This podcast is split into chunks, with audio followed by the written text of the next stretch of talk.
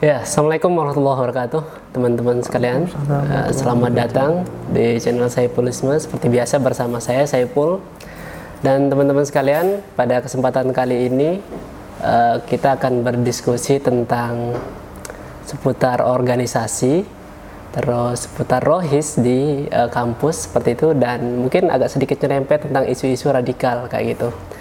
Jadi teman-teman sekalian. Um, apa ya uh, pada kesempatan ini saya itu uh, bersama dengan Mas Aldi seperti itu Mas Aldi Pradana. Hmm. dan mungkin saya kenalkan sedikit ya tentang Mas Aldi. Jadi uh, Mas Aldi ini merupakan salah satu aktivis akademisi yang uh, saya kenal seperti itu aktif di bidang kegiatan keorganisasian terutama rohis Uh, beliau pernah ikut rohis di UGM. Nah, itu namanya dulu Jamah Salahuddin ya. Sekarang juga Jamah Salahuddin. Iya. dulu dan sekarang namanya Jamah Salahuddin kayak gitu. Uh, dan itu adalah rohis tingkat universitas dan masih ada juga rohis di tingkat fakultas kayak gitu. Dan beliau dari saya kenal beliau itu dari rohis kayak gitu di uh, JS UGM namanya dan mulai berkenal dengan beliau dan beliau itu aktif dari uh, mahasiswa sampai beliau lulus. Dan sekarang juga apa sedang melanjutkan kegiatan pasca sarjananya. Namun tetap aktif di kegiatan organisasi kayak gitu.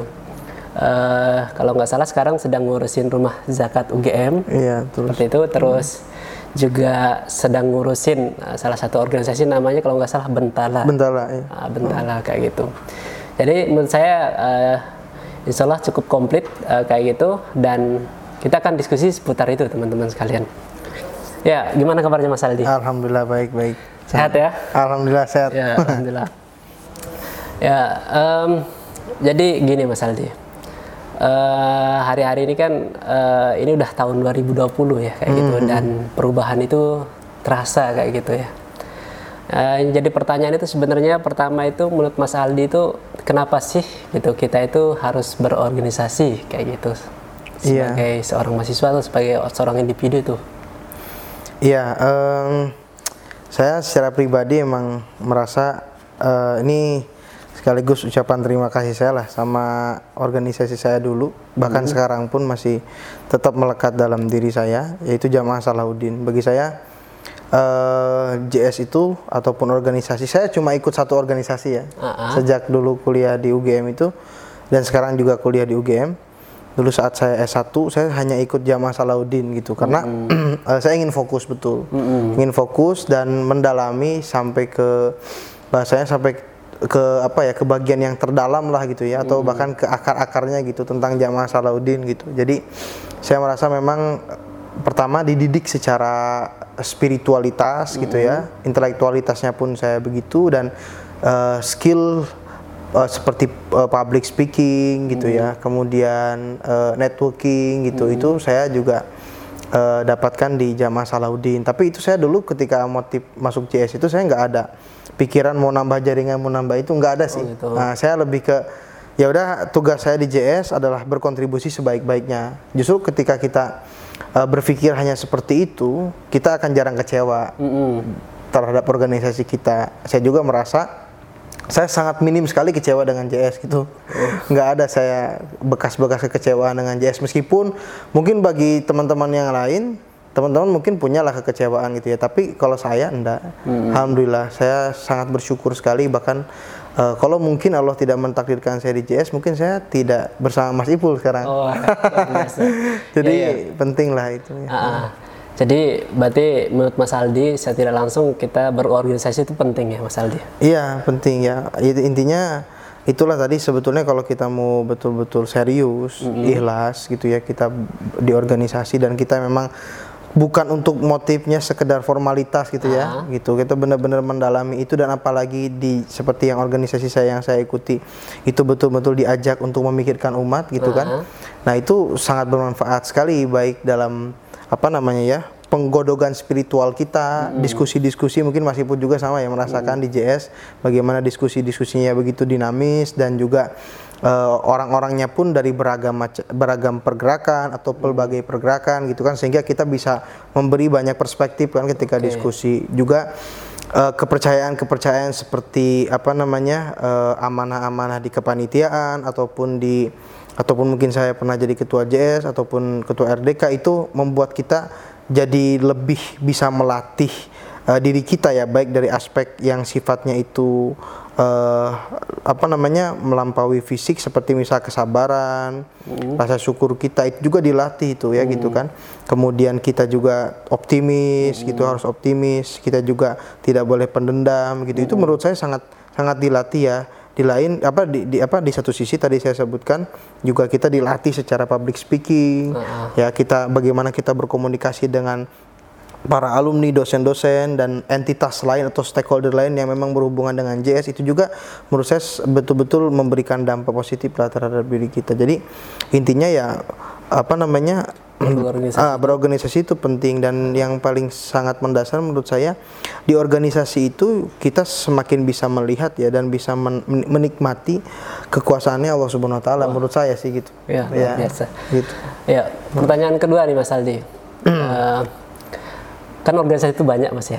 Di kampus apalagi di UGM itu ada banyak UKM, ada banyak eh, organisasi juga di fakultas dan Mas Aldi sendiri tadi udah menyampaikan fokus di JS, ikut satu kegiatan organisasi.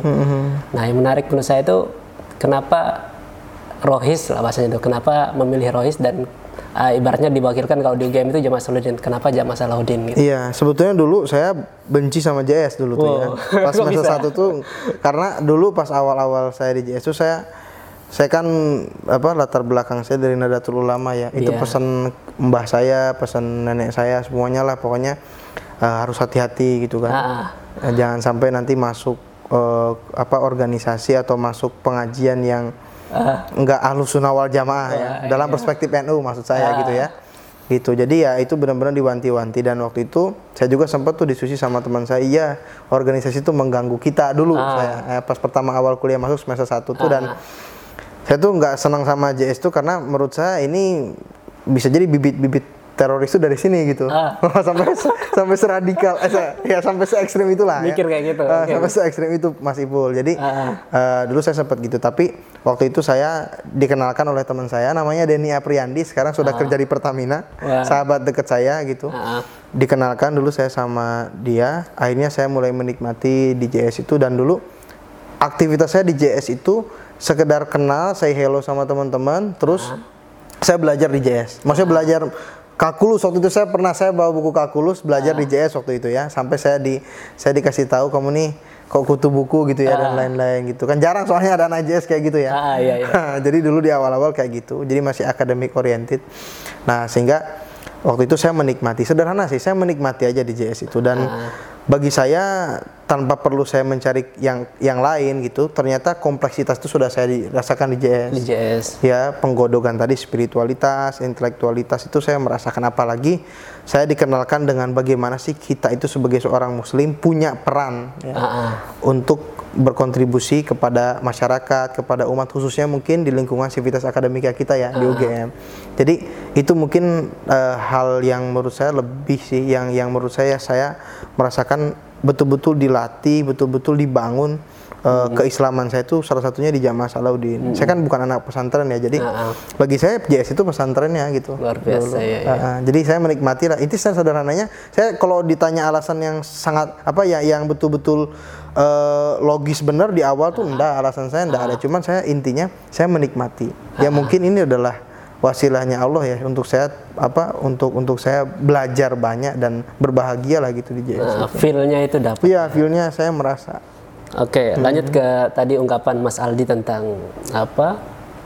Awalnya kan benci sama JS dalam tanda kutip stigma yang kayak gitu terbangun. kayak Iya. gitu.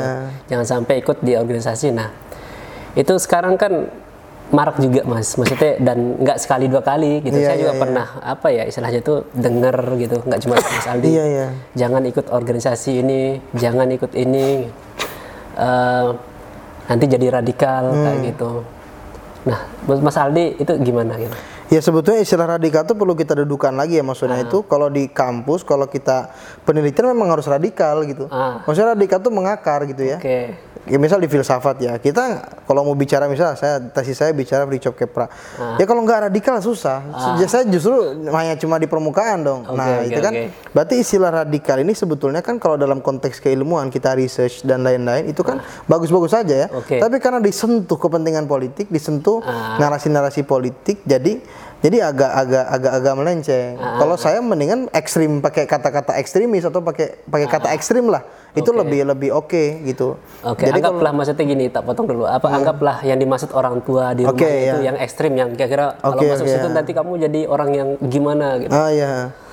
Ya mungkin kalau menurutku sih itu jadi ya. Jadi memang ini bukan untuk di channel, maksudnya untuk teman-teman juga di ya di tempat lain. Jadi memang kita juga perlu ya mendudukan istilah radikal itu dengan baik. Jadi menurut saya tuh salah satu kesalahan berpikir kita itu adalah salah memaknai kata salah satunya. Ah, oke, kalau oke. itu dilanjutkan ya. Jadi ini memang penting eh, apa namanya sehingga kita tidak sekedar apa ya, tidak sekedar melempar eh, wacana atau melempar kata-kata yang kadang kita nggak pahami. Contohnya misalnya gini Mas Ipul kayak Gimana gimana? eh saya Pancasila gitu. Ah, ah. Tapi hidupnya nggak Pancasilais kan aneh gitu. Oke, oke, Itu kan ada ada ada ada ada apa namanya ada dualisme menurut saya di situ ya Oke, gitu. oke, ada oke. pertentangan ganda. Yang cuman mungkin gini ya kalau kekhawatiran orang tua tuh mungkin karena melihat diri kita memang belum bisa paripurna mungkin gitu ya. Ah, Mungkin bisa paripurna dalam artian menyikapi persoalan gitu ya. Dulu ayah saya sama ibu saya juga begitu, maksudnya titip itu sama saya. Tapi pelan-pelan ya ternyata ayah justru ayah dan ayah, ayah dan ibu saya dulu sampai pada titik bersyukur anaknya di JS. ah. Karena Bisa bersyukur. iya, karena di awal dulu gini Mas Ipo, dulu saya pas jadi ketua JS itu ayah saya saya masih ingat bilang gini, kalau kamu turun IPK-nya, kamu apa kamu selesai jadi ketua JS saat itu juga. Itu. nah, itu kan ada tantangan begitu ya, tapi alhamdulillah ternyata saat saya selesai sidang waktu itu, saya waktu itu makan sama keluarga bareng di SS eh, mana sih Palagan waktu itu, ayah saya bilang gini, alhamdulillah ya gitu memang betul seperti yang Aldi sampaikan ke saya gitu ya. Emang kuliah itu memang butuh kita belajar agama dan apa namanya ya apa yang kamu ikuti di JS itu benar-benar ya apa namanya bermanfaat gitu sampai kepada seperti itu. Jadi memang kita butuh memberikan contoh ya Mas Ipul. Kita sebagai seorang anak artinya dengan orang tua tuh kita jangan berani-berani untuk ketika tidak setuju itu langsung berdebat, langsung Oke. berkonfrontasi. Jadi jangan lebih baik pendekatan itu lebih ke bagaimana kita mencontohkan akhlak seseorang yang sedang belajar Islam. Oke, siap-siap. Ya, yang sedang mempelajari agama ini. Karena agama ini kalau betul-betul didalami dan diaktualisasikan, diimplementasikan dalam hidup sama seperti karakter eh, apa namanya eh, katanya yang kalau secara semantik itu arti apa aslama itu sebagai salah satu eh, apa namanya eh, sebagai salah satu kata yang berhubungan dengan Islam itu memang ketika dihubungkan lagi dengan kata yang lain seperti salam memang itu mencerminkan kedamaian gitu. Dari dari dari makna semantiknya saja atau eh, makna lugohnya aja gitu atau bahasanya. Nah ini bahasanya aja sudah seperti itu. Apalagi kalau kita lihat ajarannya dalami ajarannya insya Allah kok menurut saya bisa. Cuman kita harus bersabar aja dalam berproses sih. Ah, ah. Gitu. Soalnya gini Kang, kan eh, tahun-tahun ini kan isunya kalau Hmm. kita anggaplah ekstrim yang kita maksud itu ekstrim tapi dibahasakan di berita Radikal, radikal, ya, dan dikit-dikit radikal ikut ini Hmm. radikal dan yang banyak diisukan radikal itu memang ini mas maksudnya rohis gitu loh kalau Hmm. rohis SMA rohis di ini dan ya pemerintah pun membahasakan seperti itu Iya. kadang-kadang di berita kayak gitu nah menurut Mas Aldi itu gimana yang kayak gitu Eh, menurutku sih ini ya kalau kita mau menggunakan pendekatan yang lebih akademis itu maksudnya ya nggak boleh ya kita main asal generalisir. Ah. Misal pemeri- sebetulnya yang yang ya, dalam misal gini, yang ya yang bermasalah itu misal Rohis X tiba-tiba dipukul rata. Oh, Itu kan udah akademis sekali gitu ya. Ah. Oh, Penarikan kesimpulannya keliru gitu ya. Harusnya sekolah lagi kalau kayak gitu. Ah, ya, oke, ya kan oke, maksudnya penarikan kesimpulannya nggak begitu dong. Masa gini lah, sekarang gini. Jangan-jangan indikatornya di situ, mas. Iya. Gitu. Maksudnya kan mereka punya intelijen, ya, kita kan nggak tahu gitu. Iya, maksudnya ya contohnya misal gini lah, ini ini ini gambaran umum saya. Misal gini, kita mau narik kesimpulan begini. Ini juga kadang ini bisa jadi eh, cerminan umum aja. Misal kita benci sama saya, misal benci sama Mas Ipul. Ah. Kemudian saya mengeneralisir Ipul itu emang jelek. Oke, oke. Emang jelek. Padahal sebetulnya kebaikan yang Mas Ipul sampaikan ke saya atau ke orang lain itu lebih banyak dibanding kejelekannya. Oke. Terus kita ambil kesimpulan Mas Ipul tuh jelek gak usah ditemenin. Kan kacau. Oke oke. Padahal butir-butir yang lahir dari apa namanya dari kehidupannya itu, butir-butir kebaikan yang lahir dari kehidupan itu lebih banyak. Ah, iya, Loh kok kenapa kita ngambil kesimpulan itu? Oke. Nah itu kan aneh ya, maksudnya agak aneh gitu Ah. berpikirnya. Maksud saya, jadi nggak bisa tuh kita ngukur hanya seperti itu. Sama seperti gini misal, apa namanya? Pemerintah Pak Jokowi ini kacau balau semua. Oke, Eh, itu nggak bisa juga oke. kita katakan begitu semua. Jangan-jangan ada menteri yang betul-betul memang punya kontribusi besar. Oh, iya. Cuman nggak terlihat aja. Nah itu maksud saya kita harus lebih hati-hati, ya kan? Harus lebih hati-hati, harus lebih akurat, harus lebih saintifik ketika kita mau mengatakan. Masalahnya terkadang nafsu atau syahwat politik kita itu terkadang mendahului nalar ilmiah kita gitu loh. Oke. Sehingga kita tuh main tembak sana sini pul. Nah itu yang yang menurut saya nggak pas lah. Ya gitu kalau misal cobalah kita sekarang buktikan. Misal saya kan adik-adik aja sering diskusi. Kalau memang betul-betul terkontaminasi radikal atau Iya. ekstrim, coba aja tuh disurvei jangan masalah. Saya yakin enggak kok. Enggak, saya yakin enggak. Masalahnya ukuran radikal ataupun ekstrimnya pemerintah itu terkadang itu memang menurut saya agak dangkal sih kadang itu. Maksudnya terlalu terlalu permukaan.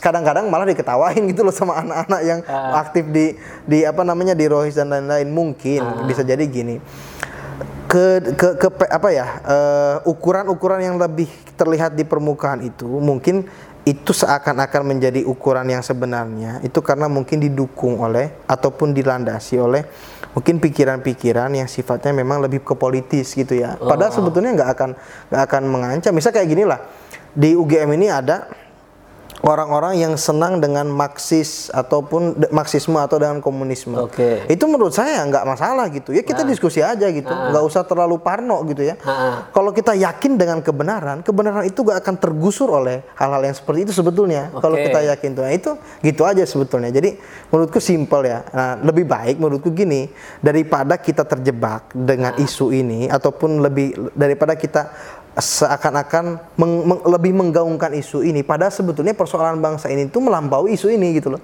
Ah. harusnya kerja kita ataupun usaha dan upaya kita tuh bukan bukan untuk memframing persoalan kayak gini. Menurutku nggak akan yakin deh. Saya punya keyakinan ini pun apa namanya persoalan ini tuh bisa menyebar pelan-pelan gitu ya. Ini nggak akan menggoncangkan dan mengganti ideologi negara kita ataupun dasar negara kita. Nggak akan terlalu kuat soalnya. Oke. Kalau aku lihat gitu, Mas Ipul ya. Ah, gitu. Oke, kita tanya Mas. Sekalian kita tes ya, Mas Aldi teman-teman Hmm. sekalian. Apakah Mas Aldi radikal atau enggak? Ah, Kira-kira menurut Mas Aldi Indonesia ini gimana sih? Wah, Kira-kira Indonesia Iya. salah enggak sih? Wah, gimana? Nah, sebetulnya aku termasuk orang yang sangat bersyukur Pancasila itu menjadi dasar negara. Ah, kenapa? gitu. Pertama, dia itu kan bukan sekedar apa namanya ya eh, kesepakatan segelintir orang ya. Ah, Bukan hanya orang Kristen aja dan lain-lain enggak atau bukan hanya orang Islam, tapi betul-betul memang kesepakatan yang diambil oleh orang-orang terpercaya di bangsa ini. Oke. Gitu ya. Apalagi saya sebagai seorang muslim merasa para ulama berkontribusi. Hmm. Ya, orang umat Islam tuh menurut saya apalagi para pendahulu kita ya, itu sangat bijaksana menurut saya dalam mengambil sikap. Kalau kita lihat juga, dasar negara kita tuh kan nggak ada yang bertentangan Hmm. dengan dengan Islam. Ya nggak Mas Ipul? Nggak ada kan? Maksudnya secara secara substantif itu nggak ada. Semua itu apa yang disampaikan di Pancasila itu menurut saya tidak bertentangan dengan agama kita, terutama dengan Islam ya. Itu nggak ada pertentangan. Jadi clear, andai pun itu menjadikan dasar negara, itu nggak masalah. Yang paling penting ini adalah manusianya menurutku. Oke. Jadi sekarang gini lah, sekarang kita sering bilang ya, eh, apa saya Pancasila saya Indonesia. Ah, Nah persoalannya ini Pancasila ini belum men- apa, menjadi bagian integral dari in- apa identitas kehidupan kita. ah. Ya sehingga banyak hal-hal yang menurut saya terlihat di, di, di, di bangsa ini itu melenceng dari Pancasila. Misal Ah. tindak tindak apa korupsi, Oke. ya, penyimpangan persoalan-persoalan seksual dan lain-lain itu kan itu seakan-akan tidak mencerminkan gitu nalar yang misal ya terkadang kan yang yang orang bilang saya Pancasila saya Indonesia tuh orang yang terkena korupsi juga kan kadang gitu maksud saya tuh jadi kalau menurut saya dasar negara bangsa kita ini udahlah nggak usah di udah nggak usah nggak usah diubah-ubah lagi menurut saya yang penting kita tinggal bagaimana mengisi ya mengisi seluruh aktivitas kebangsaan ini hmm. itu sesuai dengan dasar negara. Dan yang paling penting apa yang kita lakukan itu tidak meruntuhkan keagamaan kita atau dalam perspektif kita ketauhidan hmm. kita. Bahkan ini berjalan beriringan bisa kok. Cuman hmm. manusianya aja. Kalau menurut saya ya, orang muslim yang betul-betul berislam dengan baik dan benar, uh-huh. itu dia Pancasilais itu. Gitu. Harusnya, harusnya gitu. Dan dia komitmen punya komitmen kebangsaan yang bagus terhadap Indonesia, uh-huh. mestinya gitu. Ya, gitu teman-teman ya. Jadi maksudnya Mas Aldi masih menerima Indonesia ya. Biasa kan masih kan lah. Saya mencintai agama ini gitu. gitu. Mencintai agama dan bangsa ini. Jadi gitu. Mas Aldi itu ada rohis dan menegaskan pendapatnya ya dia nggak ada masalah dengan iya, Indonesia ada. gitu. Dan saya juga nggak perlu repot-repot untuk bicara hal-hal lain yang penting ya, ya, tentang dasar negara kita itu udah clear ah. ya itu udah clear tinggal ya, gimana aja bener masih kita ah. ngisinya aja gitu ah. ya gitu kita mengisi ini kalau misal demokrasi ada persoalan ya ada persoalan gitu tinggal kalau hmm. suatu saat demokrasi diganti misal itu nggak masalah bagi saya yang penting dasar negaranya nggak usah diganti gitu okay. ya kan sederhana aja itu gitu hmm. maksudku jadi kan uh, di Rohis itu kan beragam kan? Orang-orangnya kan beragam. Hmm. dan tidak dipungkiri mungkin nggak semua orang itu berpikiran kayak Mas Aldi gitu loh. Hmm. maksudnya tentang keislaman tentang mungkin negara tentang sudut pandang politik. Di Rohis itu kan ada banyak orang gitu Mas Aldi. Nah menurut Mas Aldi itu gimana kayak gitu ketika ada teman berbeda? Ada mungkin lebih lebih yeah. apa ya? Lebih apa gitu ketika yeah, yeah.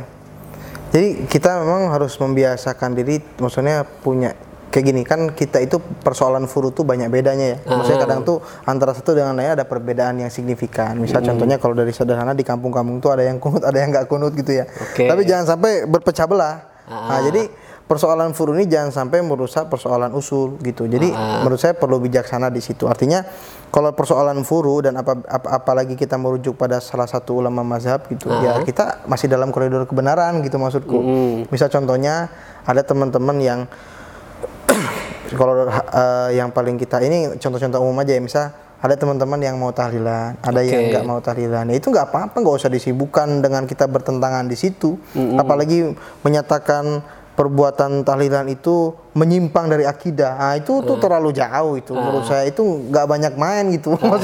nggak banyak main, nggak banyak gaul gitu. Janganlah uh. kayak gitu. Itu menurut saya nggak nggak nggak tepat gitu ya. Mm-hmm. Apalagi kita mengatakan teman-teman yang sedang berjuang di partai Islam itu itu nggak ada hasilnya dari sekarang jangan kayak gitu uh-uh. itu terlalu terlalu terlalu apa terlalu merendahkan padahal apa yang kita kerjakan belum sejelas mereka loh kadang gitu kan yeah, yeah. itu so, jangan ya jangan uh. jangan senang kayak gitu maksud saya ya inilah kita itu jangan kebanyakan melihat keluar diri kita. Cobalah kita evaluasi diri kita ini apa sebetulnya yang bisa kita berikan saat ini kepada umat gitu. Mm -hmm. Itu lebih makanya gini, transformasi atau istilah yang dilakukan Imam Al Ghazali itu bukan menyalahkan sekedar yang di luar, okay. tapi lebih banyak mengevaluasi dirinya gitu. Uh -huh. Mengevaluasi umat secara internal sehingga umat disadarkan dengan ilmu yang sebetul-betulnya, yang sebenar-benarnya gitu. Makanya kan salah satu karangan terpenting Imam Ghazali yang sangat uh, uh, apa namanya terkenal itu famous itu adalah Ihya Ulumuddin menghidupkan ilmu-ilmu agama karena hmm. itu adalah senjata fundamentalnya Al Ghazali untuk mengembalikan optimisme dan semangat transformasinya umat saat itu sehingga pelan-pelan menghasilkan generasi Salahuddin Alayubi walaupun sebelumnya ada Syekh Abdul Qadir Jailani dulu. Maksud saya ya itu penting sih hmm. ya meskipun kadang ya kita harus kalau menurutku kita harus banyak berdiskusi dan banyak bergaul sih dengan kawan-kawan kita. Gitu. Kalau di Jaya sendiri gimana mas? Maksudnya ketika zaman mas artinya dulu kan pernah jadi panitia terus pernah hmm. jadi apa uh, pengurus terus artinya ketua JS juga artinya hmm. Mas mengenal lah kultur JS itu sendiri. Yeah. Nah kalau ada perbedaan sendiri misalnya di JS, saya yakin uh, eh, UGM ini kan ramai Mas, maksudnya hmm. mulai dari yang ekstrim segala macam atau yang dari yang moderat itu hmm. ada semua di JS itu. Yeah. Nah ketika ada perbedaan pendapat di JS itu gimana nyelesainya biasa? Iya yeah, makanya itulah kita itu harus kembali kepada hal-hal yang sifatnya pokok ya. Hmm. Yang maksud saya jangan jangan terlalu contohnya gini lah. Uh, kita makanya saya pernah bilang di JS itu kita tidak lagi mempersoalkan persoalan-persoalan yang kita tidak sepakat gitu oh, maksud iya. saya kayak misalnya kita di pengurus dulu ya kita uh -huh. kan jarang bicara ada teman-teman yang pro hilafah, ada teman-teman yang tidak pro hilafah, ada teman-teman yang pro kunut dan tidak itu kita nggak bicarakan. Oh gitu. Bicara yang kita perlu bicara apa pembicaraan yang perlu kita bicarakan adalah bagaimana JS ini memberi manfaat Oh gitu. Ya, kepada ya. Universitas Gajah Mada, ya kepada Indonesia, kepada masyarakat yang ada di sekitar. Itu kan yang paling penting menurutku. Jadi eh, kita di JS itu berlatih untuk sampai kepada titik di mana kita eh, seakan bisa menjadi prototipe persatuan gitu. Ya itu penting itu. Jadi nalarnya lebih ke sana. Dan menurut saya anak-anak JS yang saya temui itu mereka berani terbuka. Bahkan kan banyak ya. Maksudnya kayak misal ketua JS di dalam di ketua JS itu beberapa tahun ke belakang tuh enggak seragam organisasinya. Maksudnya Iya. organisasi Background-nya. pengajiannya backgroundnya ya itu macam-macam. Saya misal dulu ketika jago JS memang latar belakang saya ada ulama gitu ya. Kemudian setelahnya Abi ya Muhammadiyah juga beliau ngaji di Salafi. Tapi bisa itu tampil begitu ya. Maksud saya eh, itu itulah sentuhan di mana kita itu diajak berpikir lebih jauh, lebih fundamental, lebih substansial, tidak lagi mempersoalkan hal-hal yang bersifat antara kita dengan yang lain atau antara saya dengan yang lain itu memang rawan friksi, apalagi orang yang tidak mau legowo kan gitu. Makanya kita nih susahnya seperti saya waktu jadi ketua JS itu memang harus tegas, maksudnya mengambil sikap kita sedang tidak membincangkan perbedaan yang sifatnya itu runcing itu di antara satu dengan yang lain. Enggak, urusan kita tuh enggak di situ. Kalau kita JS fokus ke situ, nggak akan produktif saya yakin. Oh gitu. Nah, justru dengan kita membicarakan hal-hal yang lebih jauh, ya yang lebih dalam dibanding hal seperti itu yang lebih pokok, itu justru membuat kita menjadi punya titik pertemuan yang satu sama lain itu bisa saling support gitu, bisa saling mendukung. Nah, itu menurut saya penting. Jadi nggak mungkin lah kita apa nggak apa nggak punya perbedaan itu. Iya. Selalu punya perbedaan. Yang paling penting kan kita bijaksana dan paling penting itulah gunanya belajar ilmu. Baik ilmu agama maupun ilmu yang sedang kita pelajari di kampus supaya kita itu bisa lebih dewasa dan bijaksana. Gitu sih menurutku. Oke. Ya, Mas Aldi, eh, lanjut ya. Kan Indonesia ini terkenal ya dengan eh, Islamnya kayak gitu, terkenal dengan keberagamannya, penerimaannya kayak gitu. Tapi sekarang eh, isu Islam itu kan udah naik ke apa tingkat internasional. Dan sekarang juga ada macam-macam lah perpecahan. Nah, dari sudut pandang Mas Aldi sendiri, melihat umat Islam itu sendiri gimana sih? Hmm, kalau saya nggak pernah pesimis ya dengan agama saya gitu, dan saya juga nggak pesimis. Walaupun misal gini ya, dulu kita di zaman, misal contohnya saya ambil lagi contoh, dulu saat Rasul itu membangun Madinah sebagai role model eh, peradaban yang eh, mumpuni gitu saat dulu itu Rasul kan memulainya dari eh, apa ya, dari dari dari hal yang sangat eh, mendasar ya, maksudnya dalam artian gini, Rasul itu tidak langsung tiba-tiba punya pengikut yang banyak. Artinya Rasul betul-betul merangkak betul dalam berdakwah itu. Nah, kalau kita ambil contoh seperti itu, Rasul itu pertama ya apa namanya berdakwah itu tidak langsung terang terang terang apa?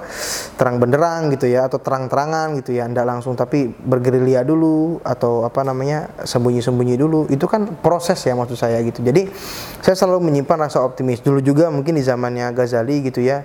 Dulu terjadi perpecahan yang luar biasa gitu ya apalagi saat itu eh, Islam itu menjadi satu peradaban yang unggul ya dalam hal ilmu pengetahuan. Tapi di satu sisi ada konflik mazhab Hmm, ada juga penyimpangan dalam hal dalam dalam konteks filsafat atau dalam penyimpangan dari sisi tasawuf gitu ya. Gitu itu banyak juga hal seperti itu. Bahkan perpecahan dan apa perpecahan dan kemudian timbul kelompok-kelompok kecil itu ada juga. Maksud saya dulu tuh kita juga kalau kita belajar sejarah makanya belajar sejarah itu bukan kita sekedar mengamati secara kronologis gitu kan tapi mengambil hikmah ya mengambil hikmah dari setiap peristiwa yang terjadi di zaman Rasul maupun di zaman para ulama kita gitu ya seperti Ghazali atau Ibnu Taimiyah atau yang lain dan lain-lain gitu ya. Nah, saya tetap menyimpan rasa optimis. Andai pun sekarang itu ada perpecahan dan lain-lain gitu ya. Ya itu adalah apa namanya? Ya itu dulu di di di, di zaman dulu ada juga itu ya. Tinggal kan begini. Kita ini sebagai seorang muslim ingin memposisikan diri seperti apa gitu. Contohnya gini. Makanya kita itu tidak boleh memposisikan diri sebagai orang atau entitas yang memperuncing konflik Oh ya. ya kan? Atau yang membuat konflik ini semakin parah. Janganlah. Makanya kata saya juga tidak harus semua umat Islam itu terjun dan mengatakan penegakan peradaban Islam itu jalur paling ampuhnya politik. Jangan semua ke sana arahnya. Harus ada yang punya peran seperti Ghazali. Oh gitu. Harus ada yang punya peran seperti ya jelas Rasul kita memberikan contoh peradaban ini dibangun sampai orang itu bisa menikmati apa namanya berada di dalam naungan peradaban Islam itu karena pergerakan di awal itu melalui ilmu gitu. Uh, uh, berarti harus bagi-bagi. Iya, coba scientific community dulu di awal yang dibangun Rasul atau komunitas ilmiah yang dibangun Rasul di awal itu di apa namanya di rumahnya Arkom begitu ya. Itu kan yang dibincangan apa? Bukan persoalan politik dan ekonomi dulu di awal hmm. waktu itu ya, tapi persoalan bagaimana orang-orang atau asabi kunal awalun ini, orang-orang yang dekat dengan Rasul saat itu yang halako bersama Rasul itu, itu memahami realitas dengan benar, realitas apa Allah Subhanahu wa taala sebagai Tuhan, nabi dan uh, Nabi Muhammad ini sebagai rasul, kemudian Quran ini sebagai wahyu, ya kan? Kemudian ketika mereka mengilmui dan memahami itu, mereka meyakini dan kehidupannya itu betul-betul seperti apa yang mereka yakini itu. Hmm. Makanya kan mereka harus menghadapi kafir Quraisy yang dalam tanda petik kejam terhadap mereka. Mereka hmm. lampaui sedemikian rupa. Nah, artinya apa? Di Madinah ketika itu baru tuh persoalan-persoalan ekonomi, politik dan lain-lain itu dibincangkan lebih intensif karena pondasi keilmuannya yang atau bahasa saya itu ilmu yang bersifat wajib ain itu khususnya persoalan-persoalan akidah dan yang terkait dengannya itu itu dibangun dengan baik oleh Rasul. Nah, di Ghazali juga seperti itu. Ghazali uzlah itu bukan untuk membangun kekuatan politik di awal ini bukan nalarnya politik enggak. Ghazali itu dengan menghidupkan ilmu-ilmu agama dan membersihkan jiwa umat yang terkontaminasi penyakit hati waktu itu. Oke. Okay. Nah, itu artinya harus ada orang-orang yang punya peran di sini tapi jangan tagih secepat mungkin orang-orang yang punya peran di bidang ini karena memang panjang perjalanannya teman-teman sekalian. Enggak bisa sekarang lagi dikerjakan terus bulan depan atau tahun depan udah jadi enggak panjang perjalanan itu. Hmm. Artinya harus ada orang-orang ataupun segelintir orang ataupun entitas atau bagian dari umat Islam ini yang punya perjuangan sebagaimana telah dicontohkan oleh Rasul maupun ya Imam Al Ghazali gitu di saat itu. Perjuangan melalui ilmu ini menurut saya lebih steril ya, lebih hmm. steril dan lebih bisa menyujukan dan memantapkan pikiran ketika ketika kita mau berlaga kembali. Seperti Ghazali kan Imam Ghazali itu bukan uzal itu bukan udah seperti di Menara, Gading gitu ya. Enggak, beliau itu sufi sekaligus ulama besar juga. Tapi beliau punya kontribusi sehingga menghadirkan generasi seperti generasi Salahuddin Alayubi yang kekuatannya bukan sekedar kekuatan ilmu ya atau apa namanya atau kekuatan apa namanya kekuatan batin yang sangat bersih seperti itu. Hmm. Tapi kekuatan politik juga pada akhirnya. Iya. Saya pengen lanjut lanjut mas uh, ke politik kita. Pendapat Mas Aldi tentang partai politik yang dalam tanda kutip mengasaskan Islam atau teman-teman yang berjuang yeah. di iya. partai politik. Pendapat Mas Aldi dengan partai politik itu apa? gitu. Ya menurut aku sih apa namanya ya. Aku tetap apresiasi ya dengan uh. perjuangan yang sudah dilakukan. Contohnya misal gini, kalau kita nggak masuk partai politik uh ataupun contohnya seperti yang diperjuangkan P3 atau PKB misal kayak apa namanya uh, perda syariah dan lain-lain itu kan hmm. hasil hasil ini ya hasil hasil kontribusi mereka juga hmm. bahkan ada UU pesantren dan lain-lain itu yang kemarin dibincangkan dan lain-lain memang hmm. ada kontribusi dari partai politik ada. ini hmm. jadi kita nggak boleh juga tiba oh kacau itu partai Islam itu enggak jadi jangan jangan suka menjeneralisir maksudku hmm. jangan suka lata maksud saya ada kontribusi mereka juga tapi hmm Bagaimana signifikansinya? Kan itu ya, signifikansinya uh. sampai sekarang. Tentu harus ada yang dievaluasi dan lain-lain. Hmm. Tentu harus ada yang betul-betul dibenahi. Contohnya misal gini, siapa sih sekarang ilmuwan politik dari kita itu, dari kalangan umat Islam, yang bicaranya seperti Haji Agus Salim, yang bicaranya uh. seperti Natsir. Itu kita kehilangan sosok itu ya uh. kehilangan sosok-sosok yang bisa memberikan pencerahan uh. ya dari misalnya kayak kemarin ya residu akibat pilpres kemarin itu siapa sih yang bisa memediasi ini? Siapa sih yang bisa menetralisir persoalan ini? Sehingga perpecahan itu tidak tidak apa tidak betul-betul meruncing. Harusnya kan ada contoh. Ya ada contoh ada panduan. Dia bicara bisa, bisa bicara politik dengan bijaksana. Uh dia bisa menempatkan diri dengan baik.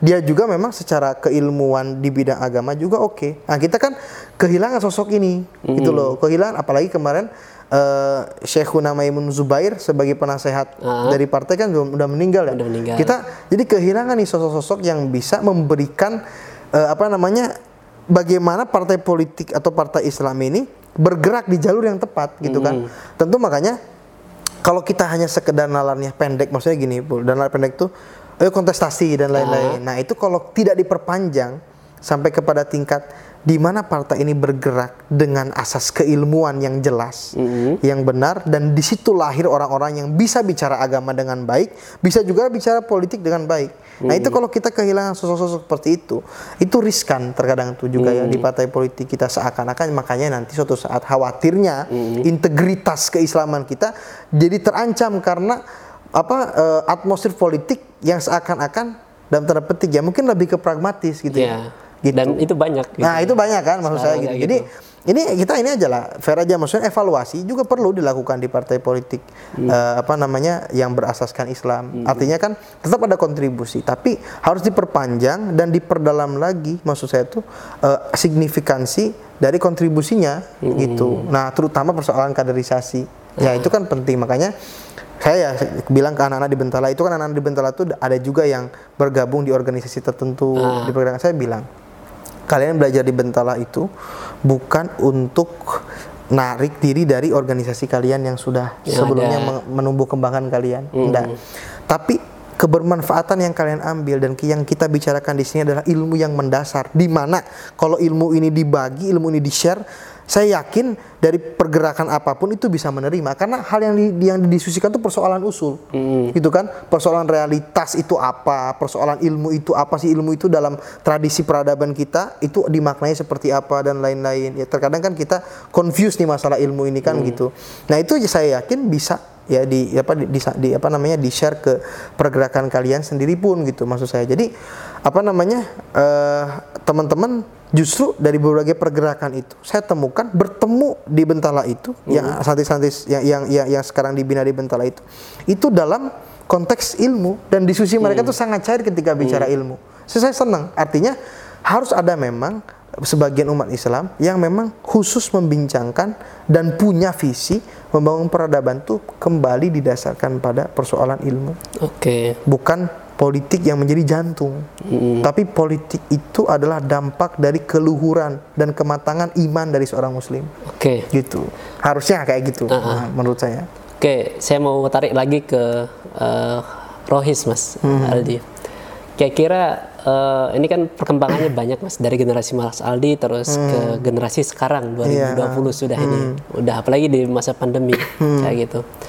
Nah, kira-kira saya pertanyaannya simpel aja sebenarnya. Kira-kira Rohis itu di 2020 melihat generasi kita yang sekarang yang milenial diperkenalkan yeah. dengan berbagai macam model bentuk organisasi dan hmm. hiburan itu bentuk berpengaruh ya. Iya, yeah, yeah. Kayak itu kepada anaknya. Kira-kira Rohis itu di 2020 masih laku nggak Mas ya? Ngomongnya yeah. bahasanya kayak pasar ya. Ah, iya iya. Uh, yang paling yang paling itu sih yang paling penting tuh saya selalu ngasih catatan tuh gini anak-anak tuh sekarang semakin kreatif. Aku uh lihat ya anak-anak Yesus yeah. ataupun siapa pun itu semakin kreatif. Tapi yang perlu dijaga itu bagaimana kreativitas itu konsisten. Oke. Okay. Bagaimana mereka komitmen mereka itu begitu tuh bukan karena amanah organisasi, tapi kesadaran akan keislaman mereka. Uh. Gitu ya. Yang bisa menghilang, yang bisa membuat rohis nggak laku ini, uh. itu bisa jadi karena kesadaran kita terhadap Islam itu yang rendah. Uh. Ya gitu. Jadi menurut saya apa namanya ini apalagi kalau kita bicarakan Islam tuh akan tetap apa namanya bisa diperbincangkan dari generasi ke generasi. Uh. Roh itu kan sarananya aja kan, yeah. gitu sarananya aja. Artinya kalau di UGM itu representasi yang mengurusi kegiatan Islam itu adalah rohis, gitu uh. kan.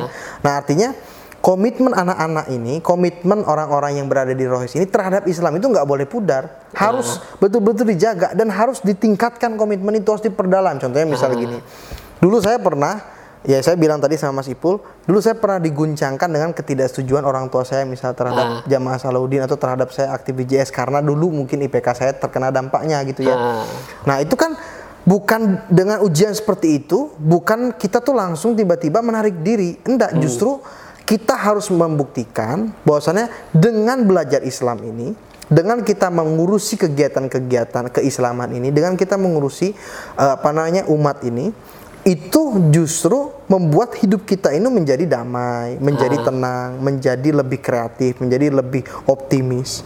Dan nyatanya ketika itu diproses dengan sabar dan kita bersyukur juga atas apa yang telah kita dapatkan saat itu saat ini, itu mengubah juga pikiran orang tua saya. Dan gitu. alhamdulillah sampai sekarang apa satu frekuensi lah dengan orang tua ya secara dominan gitu antara bagaimana mereka melihat saya dengan aktivitas seperti ini dan lain-lain. Makanya yang paling penting itu gini, jangan sampai karena diri kita orang-orang di sekitar kita itu menyatakan begini, tuh lihat orang yang belajar Islam. Ah, tuh dia lihat orang yang mengurusi kegiatan Islam. Mesti IPK-nya jelek. Oh, gitu. mesti ininya begini mesti ini. Nah itu ja- makanya gini perjuangan kita itu mengapa harus betul-betul perfect dan lain-lain itu memang supaya orang itu tidak nyalahkan Islam oh iya iya. apa enggak Karena di framing kayak gitu. Ya, supaya orang tuh tidak menjalankan agama ini. Kan jadi jadi jadi kriminal gitu pikiran orang itu.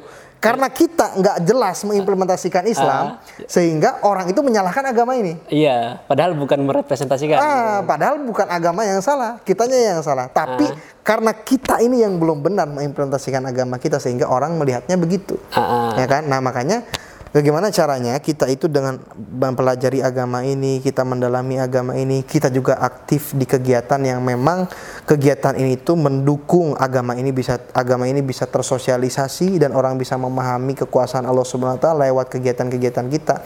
Itu memang kita harus bangun komitmen dan kedalaman, harus betul. Karena gini, Oke lah di rohis itu kita diuji begitu. Nanti ketika di kita di keluarga, ketika kita di masyarakat punya ujian yang lebih dibanding itu. Ah. Nah kalau kita tidak tahan banting ketika kita ada di JS atau di rohis, itu gimana kita mau menghadapi masyarakat, mau menghadapi keluarga kita kelak, mau menghadapi bangsa ini yang justru bantingan-bantingannya itu mungkin Lebih. disiapkan Allah lebih gitu.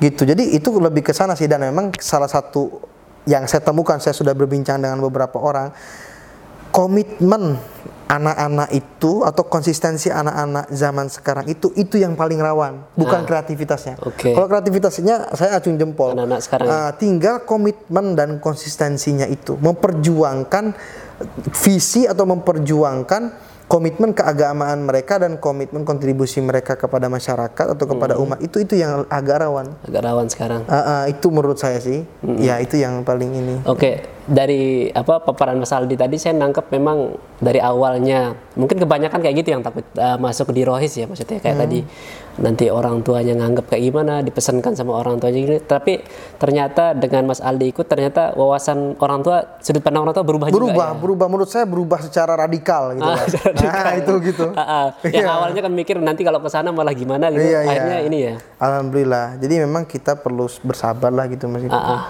Ya, jadi teman-teman sekalian, eh, mungkin teman-teman yang takut masuk rohis di mana pun universitasnya, atau masuk ke mungkin yang kebetulan di UGM sama bareng kayak Mas Aldi, mungkin ya nggak perlu ragu ya. Dan Mas Hmm. Iya. Aldi sendiri tadi me- menceritakan bagaimana dia mengalami orang tuanya pesen kayak gitu di Iya, betul, awal, nanti malah jadi gimana. Tapi setelah Mas Aldi menikmati dan menjalani proses, Hmm. malah orang tuanya bersyukur gitu. Tadi menceritakan cerita makan di mana, akhirnya bersyukur malah. Iya, alhamdulillah. kayak gitu. Ya mungkin itu teman-teman diskusi kita, tapi ini saya ada masih pertanyaan bonus Iya, boleh, mas. Mungkin boleh. di luar topik aja Boleh, gitu. boleh, Hmm. boleh. Ah, seandainya disuruh milih nih Mas Aldi, kayak gitu kan. Mas Aldi kan masih jomblo nih. Ini ngomongin yang ini agak di luaran loh, biar maksudnya jangan di Oh, posisi saya. iya, gitu, iya. gitu. Seandainya disuruh milih nih, kayak gitu kan, karena Mas Aldi mungkin dalam tanda kutip pasti menikah nggak mungkin nggak kan? Iya, kayak insya gitu kan. Eh, anak rohis apa anak selain rohis misal atau kayak gimana Iya. pilihannya apa rohis enggak rohis itu kan kadang itu jadi label aja ya. Ah, oh gitu. Jadi maksudnya kadang ah, ini anak rohis, ini enggak di rohis dan lain-lain. Artinya kita tidak bisa mengukur dari sisi itu aja. Ah, ah. Mas Ipul. Artinya harus memperdalam dan bahasanya memperdalam dan memperluas indikator lah gitu ya. Ah, ah. Supaya kita tidak terjebak persoalan label aja. Oh, Maksudnya gitu. orang kan kadang wah anak rohis itu lebih baik, anak ini lebih baik. enggak. Kalau menurut saya saya objektif aja lah gitu. ah. Kalau saya kan tiga aja sebetulnya. Yang pertama itu eh, apa eh, apa namanya eh, perempuan ini atau wanita ini tuh memang punya komitmen untuk mensosialisasikan atau menyebarkan agama ini sehingga Oke. orang itu semakin menikmati kekuasaannya Allah Subhanahu wa taala. Ah. Nah, itu yang pertama. Yang kedua itu apa namanya? orang ini atau wanita ini itu atau perempuan ini itu itu bisa menerima dan bisa klop ya dengan teman-teman saya, dengan orang-orang di sekitar saya, dengan keluarga saya. Karena sebelum saya kenal Anda, saya kenal dulu teman-teman sama keluarga saya. Oh iya. Gitu. Jadi jangan seakan-akan seperti orang yang paling teristimewa. Enggak gitu. Biasa aja gitu ya. Artinya sebelum saya kenal Anda, saya kenal dulu teman-teman yang mewarnai hidup saya. Ah. Maka perlu ada penerimaan terhadap karakter teman-teman saya gitu, Ah. karakter keluarga saya dan lain-lain. Yang ketiga adalah ya udah mau bareng-bareng dari bawah ataupun ketika posisi di atas atau di tengah-tengah apa pun kondisinya bareng-bareng aja. Ah. Tetap menjaga supaya sunnah ini tetap berjalan gitu. Ah, Itu aja sebetulnya kalau saya tuh. Mau di luar rohis ataupun di dalam rohis nggak masalah gitu. Yang penting tiga itu aja gitu. Oke, itu teman-teman kisi-kisinya ya. Jadi Mas Aldi itu masih jomblo dan Mas Aldi itu nggak masalah gitu teman-teman ya. Sekali saya promosiin ini dia nggak masalah mau rohis, mau nggak rohis itu masih open lah. Dia objektif. Yang penting syaratnya tiga tadi. Artinya pertama ikut yang maksudnya eh, salah satunya tadi ya saya lupa semua poinnya Mas Aldi.